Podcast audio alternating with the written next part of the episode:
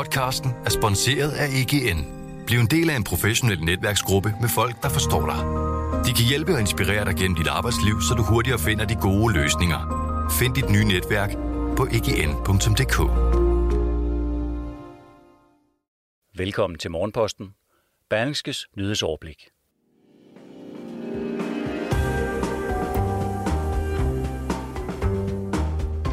Sundhedsminister Magnus Heunicke var ifølge opsigtsvækkende notat underrettet om, at det krævede en lovændring for at aflive samtlige danske mink. Hurtig teknologisk udvikling får Mærsk til at rykke sine planer om at blive klimaneutral flere år frem. Og så har sygeplejersker i hovedstadsregionen netop opsagt aftale om at lave frivilligt ekstraarbejde. Det er onsdag den 3. november. Jeg hedder Jon Kaldan. Godmorgen.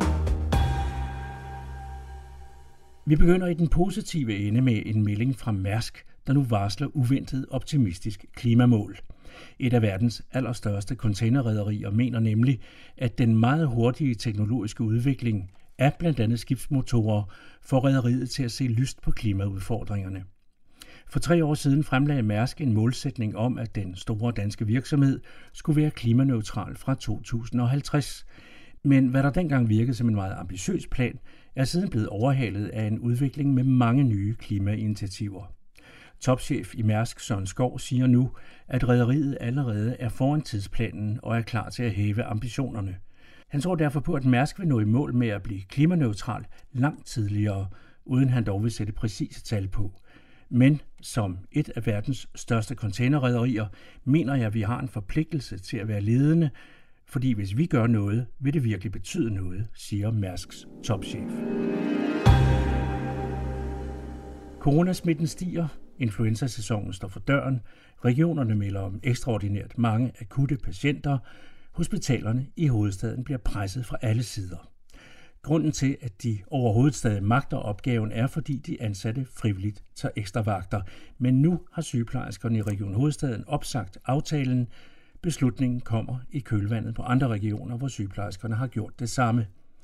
Jes Søgaard, professor i sundhedsøkonomi ved Syddansk Universitet, peger på, at sundhedsvæsenets vagtplaner de seneste fem år kun lige har hængt sammen, fordi sygeplejerskerne arbejder ekstra. Opsigelsen af aftalen om ekstraarbejde kommer netop, hvor coronasmitten stiger, og vi står muligvis over for en tredje bølge samt en årlig influenzasæson. Det kan blive rigtig hårdt, siger Jes Søgaard, der mener, det er uundgåeligt, at det kommer til at ramme regionens patienter. Den eneste mulighed, han kan se, er, at regionerne og sygeplejerskerne nu sætter sig sammen og finder en løsning hurtigst muligt. Danske patienter efterlyser også handling her nu, siger foreningens formand. Han mener ikke, at sundhedsvæsenet kan holde til at vente på, at en lønstrukturkomité bliver færdig med sit arbejde og opfordrer politikerne til at komme på banen for at finde en løsning med det samme. Berlingskes papirudgave afslører i dag, at sundhedsminister Magnus Heunicke til sydladende var underrettet om, at det krævede ny lovhjemmel for at aflive samtlige danske mink. Og det står i kontrast til ministerens tidligere udmelding. Sundhedsministeren har i et samråd sagt, at han ikke vidste besked om, at man manglede lovhjemmel, da regeringen den 4. november sidste år på et pressemøde fortalte om beslutningen om at foretage en omfattende minkaflivning. De nye oplysninger, der trækker Magnus Heunicke dybere ind i Mink-sagen, er kommet frem under Mink-kommissionens arbejde sidste torsdag. Her viste det sig, at ministeren havde godkendt et notat, der handlede om fraværende lovhjemmel. De nye oplysninger viser ifølge professor i forvaltningsret ved Syddansk Universitet, Frederik Våge, at Magnus Heunicke fik direkte besked om, at det ikke var muligt at aflive alle mink uden ændret lov. Det her understreger, at ministeren er blevet underrettet om, at man ikke bare ville kunne aflive alle mink uden ændret lovhjemmel. Heunicke har jo godkendt et notat, hvor der står, der skal laves lovændringer, siger Frederik Våge. I forbindelse med regeringens egen redegørelse af forløbet fra november sidste år fremgik det, at materialet blev fremlagt til regeringens covid-19-udvalg, hvor seks ministre sidder, herunder Magnus Heunicke, justitsminister Nick Hækkerup og finansminister Nikolaj Vammen men det har hidtil ikke været kendt, at Heunicke aktivt godkendte materialet. Under torsdagens afhøring kom det frem, at coveret blev lavet med input fra flere ministerier, herunder Sundheds- og Ældreministeriet. Som led i den proces blev materialet sendt til Heunicke, hvor han af embedsmændene konkret blev bedt om at godkende materialet. Her kunne man ifølge kontorchef i Sundheds- og Ældreministeriet, Katrine Kaldal, se, at Heunicke havde godkendt coveret. Som andre vidner også har sagt flere gange i kommissionen, arbejder embedsmændene med forskellige koder, som viser, hvor i processen materiale fra embedsværket er. For eksempel har det ministerium, der står anført øverst i coveret, det overordnede ansvar for sagen. Er der sat kantede parenteser om et ministeriums navn, har ministeren endnu ikke godkendt notatet. Er de kantede parenteser fjernet, er notatet forelagt ministeren, som efterfølgende har godkendt det. For eksempel har der på nogle af de fremlagte notater stået kantet parentes, Sundheds- og Ældreministeriet kantet parentes. Men på det notat, der blev lagt frem for covid-19-udvalgets seks ministre, var de kantede parenteser fjernet om Sundheds- og Ældreministeriet. Og adspurgt om, hvad det betød, svarede Katrine Kaldal. Citat, ja, så har Magnus godkendt det. Citat, slut. Magnus Heunicke har ikke ønsket at svare på spørgsmål om sagen, heller ikke om han har læst det cover, han godkendte.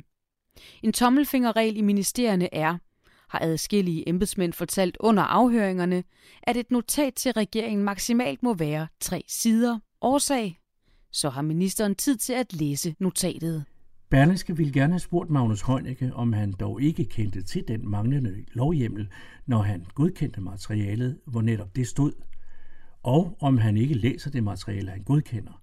Men han ønsker ikke at svare på spørgsmål, oplyser Sundheds- og Ældreministeriet. Magnus Højden skal afhøres i Mink-kommissionen den 26. november. Martin Borger og Michael Alsten havde gravet i sagen om sundhedsministeren og minkskandalen, som du kan folde ud i fuld længde i både skrift og lyd på berlingske.dk. 52.000 borgere har skrevet under på, at spørgsmålet om de planlagte boligbyggerier på Amagerfællet og Stejlepladsen i København skal sendes til folkeafstemning. De tre organisationer Amagerfællets Venner, Fiskerhavnens Venner og Danmarks Naturfredningsforening København var i går på Rådhuset for at aflevere underskrifterne. Ifølge TV2 Lorry siger overborgmester Lars Weiss, at underskrifterne selvfølgelig gør indtryk, men ellers forholder han sig afvisende. Ifølge den socialdemokratiske overborgmester har København to udfordringer. At metroen skal betales, og man skal finde ud af, hvor kommende københavnere skal bo. At lade en folkeafstemning afgøre, om man skal betale den gæld, der ligger fra metroen, det giver ikke nogen mening, siger Lars Weiss. Det er et afgørende skridt i kampen for klimaet, at knap 90 af verdens lande har skrevet under på en pagt om at mindske udledningen af den stærke drivhusgas metan. Sådan lød beskeden fra EU-kommissionens formand Ursula von der Leyen og USA's præsident Joe Biden i går ved klimatopmødet COP26 i Glasgow. Konkret har landene givet håndslag på at mindske udledningen af metan med 30 procent i 2030, sammenlignet med niveauet i 2020. Hvordan man så skal nå det mål, ja, det har en gruppe videnskabsfolk fra Australien og Tyskland et bud på. Man skal pottetræne landbrugets husdyr til at urinere i særlige beholdere, og dermed undgå, at der frigives store mængder metan.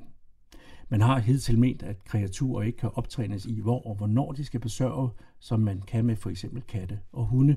Men ifølge det ansete videnskabelige tidsskrift Cell Biology lykkedes det ret hurtigt de to forskerhold at få 11 ud af 16 køer til udelukkende at benytte et særligt ko-toilet. Historien er ikke bare varm luft. Malke- og kødkvæg står alene for 10% af al udledning af drivhusgasser på kloden, og netop metangasser er 25 gange mere ødelæggende for jordens beskyttende atmosfære end selv CO2. Og vi slutter med et par af de begivenheder, der kommer til at sætte sit præg på nyhedsbilledet i løbet af dagen, hvor kritiske sygeplejersker har varslet landsdækkende strække. Den landsdækkende styregruppe for arbejdsnedlæggelser har opfordret sygeplejersker i hele landet til at nedlægge arbejdet en time fra kl. 7.45 til 8.45. Og så er det i eftermiddag, der forventes at falde dom i Københavns byret i den omtalte sag om offentligt omsorgsvigt, hvor en pige altså kræver Københavns Kommune dømt, fordi man svigtede hende, da hun blev mobbet.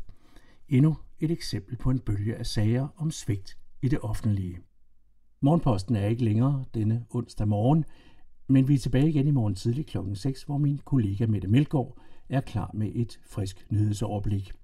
Og der er flere nyheder til ørerne senere i dag, hvis du tuner ind på Berlingskes daglige nyhedspodcast Pilestræde. Rigtig god dag og på genhør.